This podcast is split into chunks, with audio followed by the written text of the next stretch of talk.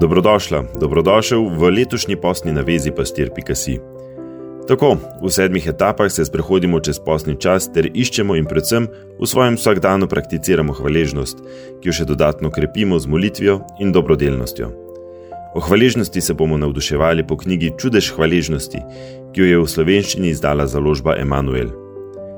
Zdaj te pa prav lepo povabim k razmišljanju o hvaležnosti s konkretnim predlogom vaje. Se veš, da gremo od besed k dejanjem.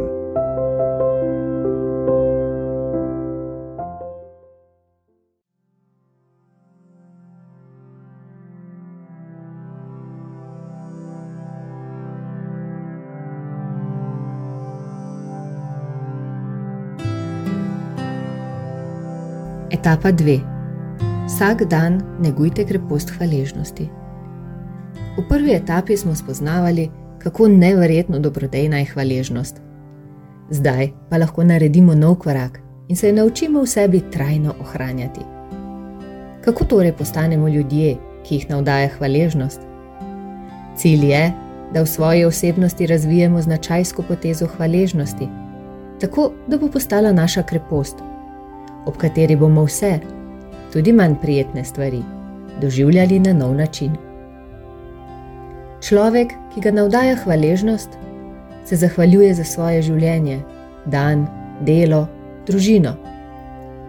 Ne glede na to, kaj se mu čez dan zgodi, postane zmožen ohranjati mir. Nauči se vse znova pobrati se in videti, kako mu tudi v težavah Gospod naklanja milost, da raste v svetosti in človeškosti. Ko postanemo s hvaležnostjo navdana oseba, težave in življenjske skrbi ne izpuhtijo, pač pa jih to postavi na njihovo mesto, nam pa omogoča, da jih doživljamo drugače. Seveda ne gre za to, da bi prevzeli nek naivni optimizem, ki bi zanikal vse neprijetno, pač pa hvaležnost neprijetno pokaže v novi luči.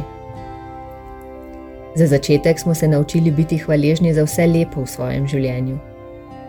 Hvaležni pa smo lahko tudi za težavne stvari, Pri tem tokrat ne govorimo o hudih preizkušnjah, temu se bomo posvetili v prihodnjih etapah.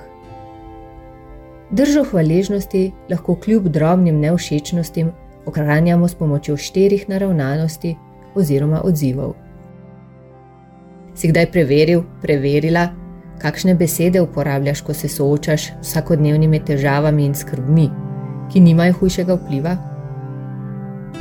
Se jeziš ali si rečeš, zakaj se to vedno dogaja meni.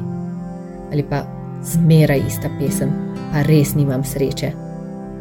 Ali pa nikoli me ne bo uspelo. Avtor knjige Čudež hvaležnosti Lionel Doll predlaga, da začneš ob drobnih neušečnostih ne mudoma uporabljati drugačen besednjak. Lahko si rečeš: Lej, lej, avto mi noče užgati. Hm, zanimivo česa me Gospod uči prek težav? Ali pa res ne navadno, kako dolgo tale stranka plačuje na blagajni. Drug način premagovanja neprijetnosti je, da na nje pogledamo drugače, z višjega in širšega gledišča. Naprimer, umestimo ga v celoto svojega življenja ali v zgodovino človeštva. To nam pomaga videti, kako nepomembne v resnici so.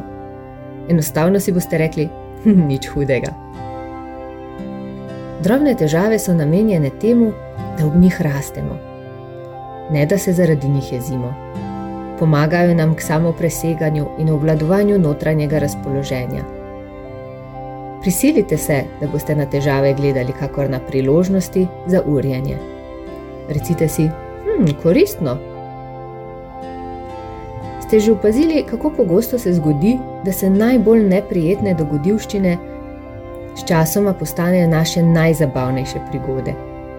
To, da se naučimo smejati težavnim pripetljajem, je eden najmočnejših načinov ohranjanja hvaležnosti.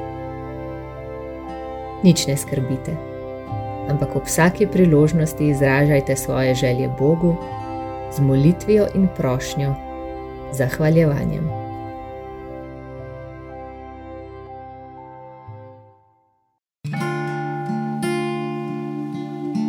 Drugačen besednjak ob soočanju s težavami. Kadar se soočate z drobnimi težavami, skušajte spremeniti besede, ki jih ob tem samodejno izrekate. S tem boste spremenili svoje notranje razpoloženje. Dovolite si hudomušno pripomniti, kot naprimer, prvič, zanimivo. Zanimivo, ključ mi je padel od tok. Hm, to pa je nekaj novega. Preluknjal sem zračnico na kolesu. Neverjetno, kako hitro se mojemu telefonu sprazni baterija. S tem vsak pripetljaj spremenim v ver začudenja in ne razburjanja. Drugič, nič hudega. Na resnost drobnih nevšečnosti pogledam v širšem okviru in ugotovim, da ni konec sveta. Tretjič, koristno. Če se me Gospod uči preko teh težav, kako mi bo to pomagalo služiti drugim? In še četrtič, smešno. Ko se prebijam skozi težavo, poskušamo na njo pogledati z odmikom in jo sprejemati s humorjem. Tako se lahko z veseljem spominjam večera, ko sva se spričkala, ali za drege, ko se mi je v Turčiji avto pogreznil v pesek.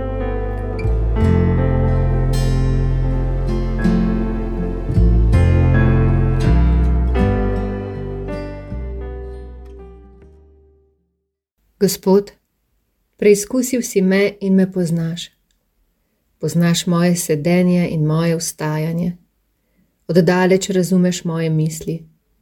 Opazuješ moje potovanje in moje počivanje. Vsemi mojimi potmi si seznanjen. Zares, besede še ni na mojem jeziku, glej, ti, Gospod, si jo že spoznal v celoti. Zadaj in spredaj me obdajaš in name polagaš svojo roko. Prečudovito je zame spoznanje, previsoko je, ne morem ga doseči. Kam naj grem pred tvojim duhom, kam naj zbežim pred tvojim obličjem? Če se povspnem v nebesa, si tamkaj. Če si pripravim ležišče v podzemlju, si zraven. Če bi dvignil peruti jutranje zarje, če bi prebival na koncu morja, tudi tam bi me vodila tvoja roka, držala bi me tvoja desnica. Če bi rekel, vsaj tema me bo zgrabila, svetloba okrog mene se bo v noč spremenila. Tudi tema ne bo pretemna zate. Noč bo svetila kakor dan, kakor tema, tako svetloba. Zares, ti si ustvaril moje ledvice, me stkal v materinem telesu. Zahvaljujem se ti, ker sem tako čudovito ustvarjen. Čudovita so tvoja dela, moja duša to dobro pozna. Psalm 139, 1 do 14.